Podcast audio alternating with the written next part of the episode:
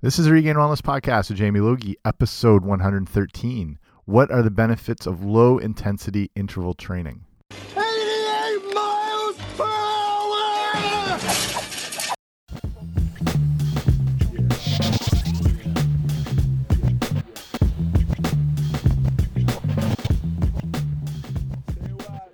Hey guys, what's happening? Welcome back to the podcast. I'm Jamie Logie. I run regainedwellness.com and you're listening to the Regained Wellness Podcast. So thank you for joining me here today.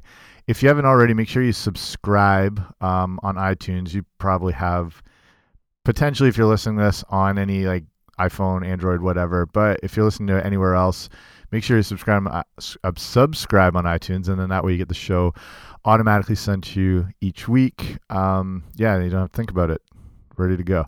And today, this is interesting. Um, so I'm talking about low intensity interval training, and you might have thought I meant to say high intensity interval training, but this new um, hit training is is very well known and the benefits are understood and we're going to talk about why high intensity interval training is effective and beneficial but low intensity interval training is something not that it's new but it's it's kind of on the fringe people haven't either heard of it or they don't know how it works um, it's it's actually incredibly simple and might even provide some of the same benefits while not being as intense or as hard as the hit training. So this is lit training, not not lit like the kids say, but L I I T, low intensity interval training. So I'll try and break it all down to you. Um, it's something like I said, not that the the concept's new. I mean, people have been either doing it intentionally or inintention or unintentionally for a while, but getting more of a grasp on it might be something that's relatively new for a lot of people. So yeah, we'll try and break this all down, and yeah, let's get to it.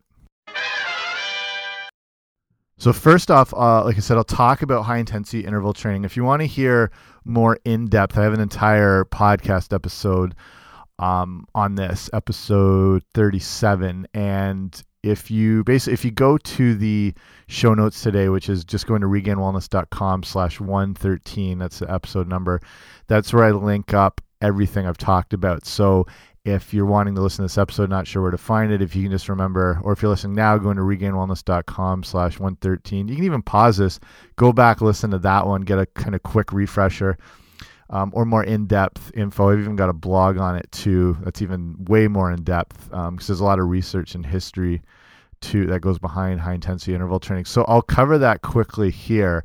And you're if you're in a gym or if you've been working out or doing any sort of not advanced training, but a little more um, in depth or more intense, you've probably come across or even doing hit training. And what that is is um, it, it's beneficial for a few reasons. First off, it doesn't take as long as your normal um, gym time. It's a shorter period workout, but it's way more intense. But maybe going to get you some better results in the long run. So it's kind of the ultimate fat burning, muscle building type workout. It's basically performing a period of super intense exercise followed by a less intense recovery period and it's this this combination this short burst activity followed by a slower recovery period slower recovery period that's providing a lot of tremendous health benefits and even and, and body composition um, changes as far as more lean muscle and more body fat loss so it's it's it's simple approach again. It's just more accustomed to what our bodies are kind of built to do. So, what a typical high intensity interval training or hit workout looks like would be to start with a warm up, five ten minutes. Um, very important. Get the blood flow to the muscles. Get things a little more looser. I mean, ideally, I'm sure you know this, but you don't want to go into really any any exercise cold. Making air quotes here. Um, it doesn't I think stretching before workouts, that's a whole other topic. I don't think that's that necessary. Stretching at the end of a workout is very beneficial, but coming in and stretching and then doing a workout might not be ideal. Again, you're stretching cold muscles. They do better when they've got, like I said, more blood flow to them. So that would look like some, you know, if light, depending on what you're doing, light jogging, um, warming up on a stationary bike or a cross trainer, just something that gets the heart rate up and the blood flow to the muscles. A very, another good thing is dynamic stretching. That's what I do all the time before workouts, or before hockey. Um, it involves like arm swings and leg swings, but in more of a controlled manner. So it's it's hard to describe without showing you visually. Um, but if you're standing uh, upright, leg swings would just be you know bringing your swinging your leg up so trying to have your knee hit your chest and then extending it back behind you as fast as you well not as fast as you can but as high up as you can um, and try and get a deep stretch. So you're doing each swing around you know say 20 times. So it serves as uh, dual purpose. It does help in more of a natural stretching motion that you're not holding like a static stretch when it's cold but it's it's kind of a cardio movement so there's blood flow going to the muscle and and it's a light stretch at the same time. And it gets you more prepared for what you're about to do if it's more of an athletic endeavor because it's going to you know mimic some of the movements you're about to do. So you'll see um, i mean most athletes do some form of dynamic stretching beforehand because it, it's you know a combination of all those things like a coordinated movement. It's kind of an athletic movement. It's uh, you know the blood flow thing, the stretching, the the warm up, the whole deal. So um, with whatever you do before the hit training, yeah, five to ten minutes. The workout itself is relatively short. You're looking at three to ten rounds of this high intensity exercise separated by that you know medium lower ish intensity rest period that's done for the recovery phase. So the high intensity portion of this of the workout is going to be almost all out almost 100% like this is not for the you know faint at heart. You you want to on a perceived exertion scale um yeah you want to be at a 10 you want to be at a 9 or 10 as hard as you can without you know potentially injuring yourself or, or passing out. The recovery portion is going to be less, maybe a 50% exertion. Um, and the way it looks is you pick your whatever your exercise is going to be for that day. I'll talk about different choices in a sec. The high intensity portion, where you're going that full 100% all out, is going to be around 30 to 45 seconds. Then the recovery phase can be anywhere from 15 to 60 seconds, maybe a little longer, depending on your level of fitness. You'd, you'd only want the lower recovery times when you're at a really high level. For the average person, it's going to be a, about a minute, maybe a minute and a half at the most of that that slower recovery phase. So the the, the classic example is going to be alternating between sprinting and walking. So whether that's you know on a track, you're at the beach trying to look good, treadmill, whatever. 30 to 45 seconds is when you crank it up, go all out, sprint as hard as you can. Um, and then you're going to slow down and you're going to walk for around that, you know, 45 seconds to a minute.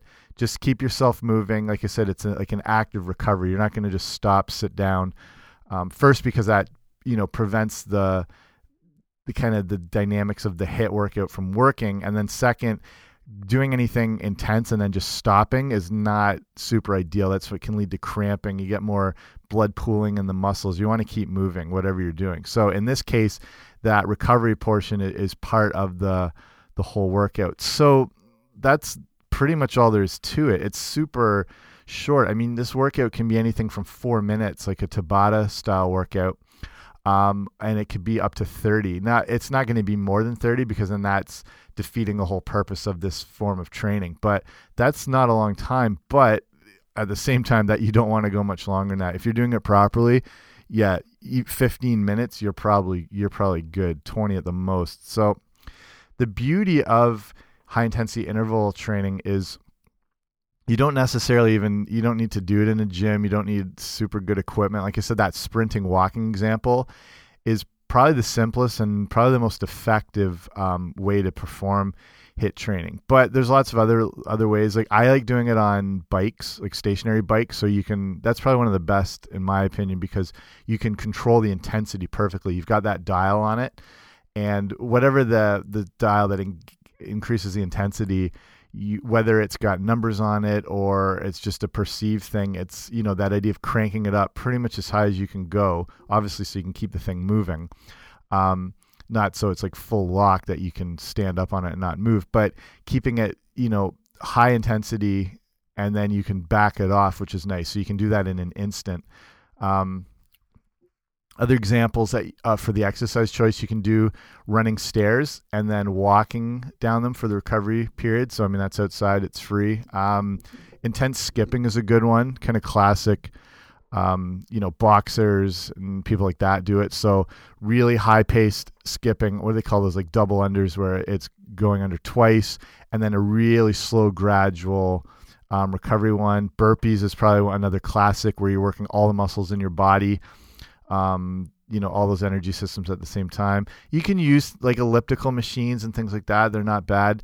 Um, again, because you can keep the in, the intensity up on them. Though I the, I find on elliptical machines the intensity um, increments are not super high. Like I find you can actually get them going too fast, and it's a bigger machine, so there's a lot of moving parts to it. So I don't necessarily find them stable, but depending on your level of fitness, if you're newer to this or you know you've been doing the gym for a little while or you might you know you have some knee problems or joint issues this this doesn't have to look like Usain Bolt going on it. It's just intense for what is good for you. So if you're used to going like say comfortably just rough example say the um, indicator on an elliptical machine is um, just like a 1 to 20 thing. So 20 being the highest um, interval um, intensity that you can go. Say you're normally going along at a 3. So that doesn't mean you have to go to 20. You uh, like just going at a 10 might be perfect for you. So it doesn't have to be um, over the top. It's just what is going to challenge you for that, you know, that 30 second increment before you dial it back on down. So um on it even in like if you're even brand new to fitness, you can do jumping jacks at a high intensity and then just walk around. This is why you might be more interested in what I'll talk about in a sec with the low intensity interval training and how that might apply more. But so basically the the whole point of this is the results that it gets. So this goes back not super super far, but the first research showing that um, HIIT training was was better for body composition for fat loss than more than over you know just steady state cardio which people might do for an hour an hour and a half. You can get this better or the same results in much less time. So in 94 it's actually from canada here. They do uh where is it? Laval university. Showed that young men and women who performed a 15 week hit program lost significantly more body fat than those who performed a 20 week continuous steady state endurance program so um, this occurred despite the 20 week program was burning 15,000 more calories than the high intensity group. But the idea with the high intensity is it's creating a lot of better hormonal changes in the body that's getting those results. So same thing in uh, where is this 2001 study from East Tennessee State University found that participants that followed an eight week HIIT program dropped 2% body fat compared to those that followed a steady state treadmill cardio routine, who ended up losing around no body fat. So the way HIIT training is able to do this is um, it, it, like I said, it has those hormonal impacts on the body. It increases your resting metabolic rate. It lowers your insulin resistance. Um, it creates skeletal muscle adaptations, so that's allowing for more um, muscle engagement, which burns off more fat um, and improves your glucose tolerance, so your body's better able to handle, um, you know, different forms of carbohydrates later on. It's um, not going to be as you know when we talk about insulin resistance, your body has trouble um, when it's constantly secreting insulin over and over, and it you know the exposure to carbs and that insulin response and basically your pancreas burns out and then that's what's leading you to you know like type 2 diabetes and whatnot. So doing exercise like this lowers that insulin resistance and increases your insulin sensitivity so your body's able to handle those, those carbs and sugars a bit better. Um, also there's recent studies from the american journal of uh, physiology and it shows that that HIIT training increases the amount of, of these special proteins in the muscle that are basically like they're carrier proteins and they're responsible for carrying fat into your mitochondria. You remember that's the powerhouse of the cell, if you remember back to biology. And, it's burned away, that fat's burned away by up to 50% more because of this HIIT training. Um, and then the more of these proteins you have in the muscle, the more fat you can burn during workouts and after. So the other big advantage of this high intensity interval training is something called EPOC, which is not a cheap poor version of Tupac. It's called excess post exercise oxygen consumption. Basically, think of it as an afterburn effect. So it means your body is burning calories long after the exercise is done. So the minute you stop, um, it's almost like getting going because your body used up so much oxygen and it's got to replenish it through the body because um, it's gone into an oxygen deficit. And the way it um, replenishes it is by using more calories in the body. So it's showing that um, the research showing that this effect can last up to 24 and some say even 36 hours after exercise that your body is still burning these calories. So that's why it's one of the most popular ways um, for people looking to you know lose some body fat, gain some lean muscle, get a little fitter. Um, it does a lot. Like I said, it, this goes a lot deeper if you want to listen to that episode number 37 um, or read the blog on it. Again, this is all at regainedwellness.com slash 113. So that brings us to low intensity interval training, which now that you understand what high intensity interval training is, you can probably figure out what the low intensity looks like.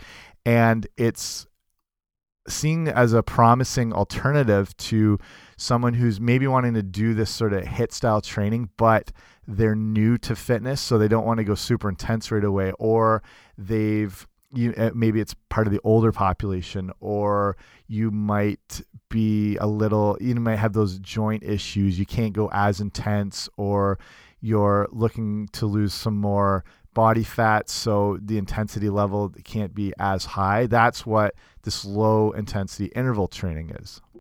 So how it works is the dynamic is the same as far as the way it's segmented, where you have a, a more intense phase and then the recovery phase. But now we're looking at the intensity phase not being as intense and the recovery phase being a lot longer.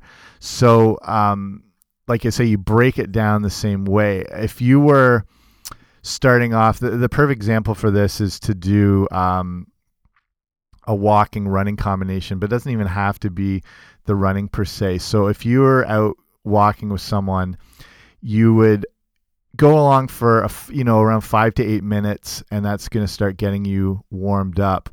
When you're ready, you're going to gradually increase your speed until you reach the pace where you'd have to be running a little bit. Like this doesn't have to be super fast, but something where you can go where you'd still be able to like a light jog, something where you could be you could still hold a conversation with someone. If you're gasping for breath, it's going to be too intense in this um, lit training.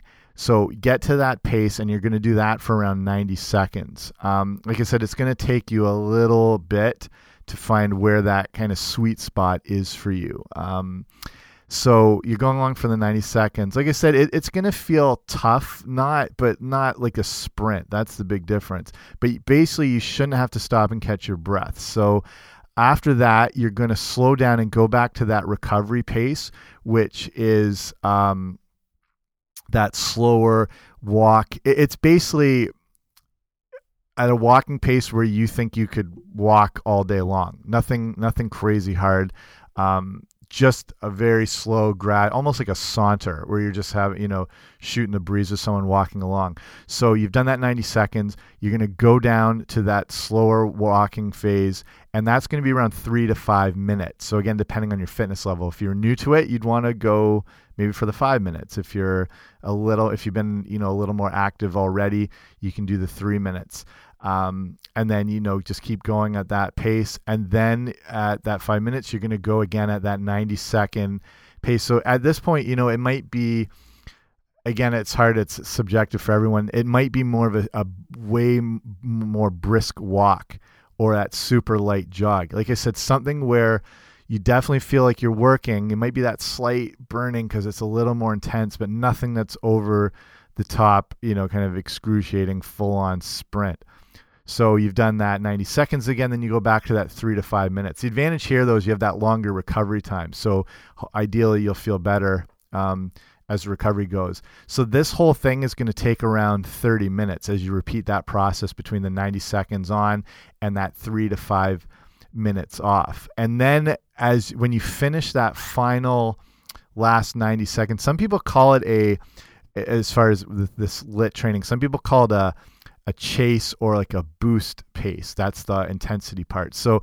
whenever you finish this final burst or whatever, you're going to spend eight to 10 minutes at that recovery, that slower walking pace. And that's going to serve as your cool down. And then, you know, you can do some lighter stretching and, and whatnot. So for exercise choice, like I said, this walking, jogging, brisk walk combo is one of the best because um, it's easy to monitor. It's outside, it's free, it gets you fresh air, the whole deal. With the exercises, it's going to be a little different than some of the high intensity interval training exercises. Like you wouldn't necessarily want to do this with burpees or, like I said, with full sprints, but it would also work really well on some cardio machines like the bike again, where you can bump up the intensity. So, say if it's on a 1 to 10 scale with that gauge where you can crank it up, um, you'd want to be going at maybe like um, a six for that higher, that 90 second higher intensity pace, and then dial it back to like a two for that three to five minute recovery phase. Would work really, I think, pretty well on an elliptical machine again, where you just increase the intensity and maybe the pace you're going at a little bit and then you can slow it right down and you know you can even like go backwards just kind of vary it up and get like a a more recovery phase. It would work again well on a treadmill. It just you know might take you a little while to kind of nail narrow it down to the exact um, speeds you need to increase it to for that higher intensity phase, and then drop it right back down. So it works better with some of these cardio things, and and a lot of the research is is based around the cardio um, choices. Like I said, you're not going to do this with um, squat presses per se because you'd be doing you know almost 10 minutes of a continuous exercise which would be too long. So a bit more suited to the a cardiovascular aspect. And it, again depending on your level of fitness this might be um, just thinking of other examples like it might be swimming where you would do a comfortable stroke for that 90 seconds if you can count it and then either slow it down and just you know do some slow walking through the pool. Like i don't know what you have access to but that kind of thing. So i think you can think of different forms this would work well with. Like i said that running jogging walking combo is one of the best whether it's you know the treadmill or outside or anything like that. So i mentioned you know high intensity interval training has been studied to death. Like it's constantly looked at and monitored but this low intensity interval training is um, being observed more now too. And I'm looking at this um, one study from the where are we here? Um, American uh, Physiological Society in the Journal of Applied Physiology, and they're looking at this low volume, high intensity interval training. And they seeing seeing seeing it to reduce hyperglycemia and increase that muscle mitochondrial capacity. Remember, I said the more the fat going in, like 50% more fat going into the uh, mitochondria to be burned off. Um, and that was the advantage of the HIIT training. This thing is happening with the low intensity training too. So they're looking at um, patients with type 2 diabetes and finding these results from the this low volume um, interval training. Again, some more um, research being done looking at the walking, just the walking aspect, like changing the intensity of the walking from that slower recovery pace to a brisker um, intensity. It's so we're at the Ohio State University, and they measured the benefits of walking at the, those varying speeds, and they specifically wanted to see and measure the calories burned or you know what the metabolic change is going to be of just changing those speeds. And they determined ultimately like this is where it sort of kicks off this looking at this low intensity interval training. They we're looking at we are really under, underestimating the number of calories burned even while just walking in daily life or you know while we play sports or whatnot. And, and fact that 8% of the energy used during daily walking may be due to energy we spend just starting and stopping. So whether you're tying your shoe or you know no as you walk just say if you're walking on your block or walking your dog um, it's not always steady state. It's just this stopping and going process is potentially providing a lot of benefit. So if you're walking your dog and it stops to do its thing and whatever, then you get going again. Um, 8% of the energy used is just from that. So the more you can vary uh, your intensities as you go, that's what's providing um, potentially more of these benefits. So even just uh, funny as well, they're just looking at the way you walk. If you're walking in a curve as opposed to a straight line, or if you're carrying a bag or a backpack, it can burn up to 20% more calories than walking at a consistent pace. It just seems like our bodies respond much better to this um, sort of segmented, I don't want to call it training, but activity. When you're doing things at different intervals, our body just responds um, best to that. And this um, relates with uh, another Canadian study here, and they were, you know, supporting that idea that you can lose weight and get healthy with the low intensity interval training. Now, it doesn't mean you should ditch the HIIT training because that's still effective. It's just showing that it's possible to still get some good results from doing this lower intensity style. So what they did is they split um, the participants of the study into two groups, with one group performing um, the short high intensity workouts and the other exercising at low intensity for a longer interval of time. And both types of exercise yielded the same results when it came to calories burned and um, abdominal fat loss, which is really interesting. So, looking at this a little further, so this is from Queen's University um, here in Ontario, which is uh, in Kingston, Ontario, and they were they were looking at you know patients at risk for diabetes or heart disease and you know obesity issues, and looking at this different style of training and. Um, obviously, you know, exercise has been shown to reduce obesity and and that glucose tolerance issue we talked about, like how the insulin resistance and sensitivity. Um, and they in the actual study, so there's 300 um, where they considered obese adults to determine those separate effects of the exercise amount and the intensity on how it helped burning um, stomach fat and improving those that glucose tolerance. So they were all you know randomly assigned. Like i said they did the high intensity or the long lower intensity workouts five times a week and they monitored and were instructed to eat the you know healthy diet through the same thing. So they didn't change their calorie intake. They just focused on you know cleaner real whole foods which obviously play a huge part in everything but they wanted to keep things as, as the same as possible so 24 weeks later um, they all of them experienced the similar reductions in their waist circumference, and the high intensity group um, experienced a little lower, um, you know, better re reduction in, in how their body um, was, you know, potentially overly insulin resistant. It started to lower that, so that the high intensity interval training will always be a little more effective, but it was still effective for the low um, intensity group. So what they from their school of kinesiology here at Queens, the the idea that the results show a really clear benefit to you know, like I said, don't get rid of the high intensity interval training. It's super effective and helpful.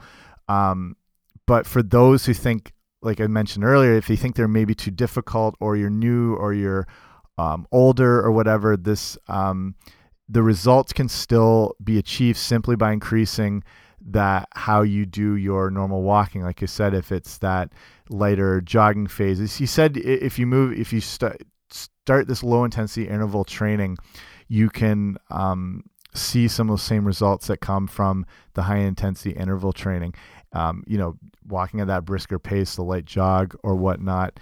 And the interesting thing when they were talking and getting feedback from the people after, the participants were surprised how easy it was for them to attain um, this higher level of training. You know, they're used to just walking all the time, and it didn't take long for their body to adapt and be able to go more intense and intense in that 90 second period. So, another example he gave, which is effective. So, say you're doing your work on a, a treadmill.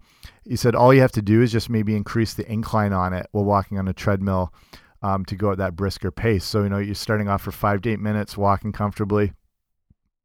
Bump that um, inter or that incline up and then do that for your 90 seconds and see how that feels. Drop it back down for the three to five minutes at the comfortable pace, lower it down, and then, like I said, play around with it. So there's lots of ways to do it. And there's more studies with this. I won't go into them more. I just wanted to show you that um, what's being looked at and how effective it is seeing to be for you know reducing body fat and improving some of those hormonal markers in the body. Um, so yeah, pretty promising. And um, you know, not ditching the hit training at all, but this is a great place to start.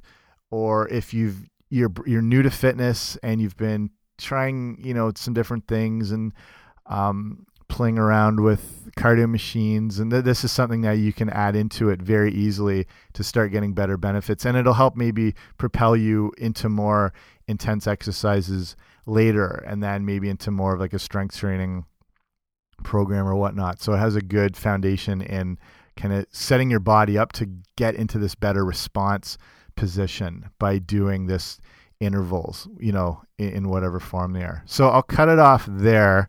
Hopefully that's good. If you have any more questions about this whole deal, like I said, I've been looking at this for the last few weeks and there's like it's you know relatively new, but there's some decent research and information out there that's not super um, publicized yet. I don't know if this is something that will grow, but I think for the people who are maybe wanting to start things off a little easier and they're looking for a little more uh, of a challenge, this low intensity interval training is perfect. So, but if you have more questions, just uh, email me at info at regainedwellness.com.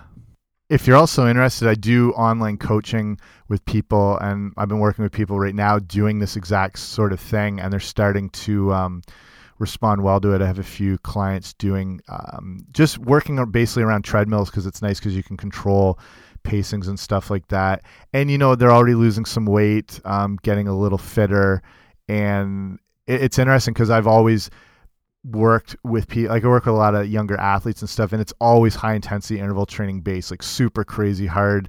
Um, stuff like that but they're athletes they can handle it and the low intensity interval training is something relatively new to me too and it's um, working good with some of the people i work with who um, are you know maybe a, a, little older or they've been off of fitness for a little while or you know joint problems that's always a big one so the intensity issue is um, got to be addressed. So you know you got to dial things back a bit but they're doing well in it. So i mean if that's something you're interested in you can write there to, at info at regainedwellness.com if you're interested in this um, uh, online coaching. So it's a good way to easily be able to monitor what you're doing. You can constantly be in contact. Um, yeah, it works pretty well. So, yeah, that's it. Let's wrap it up there. Thanks for listening. Uh, like I said, those show notes are regainedwellness.com slash 113. And I have those other, I'll link all these studies too if you're interested to see them, a little more information on them. And they're, the way they break them down is good. They're not superly, some parts of them are superly scientific, but the way they kind of summarize the whole thing in the synopsis makes them pretty easy reading. So if you like that sort of thing, you can check them out. So regainedwellness.com slash 113. Okay, I'm done. Thanks for listening. See you later.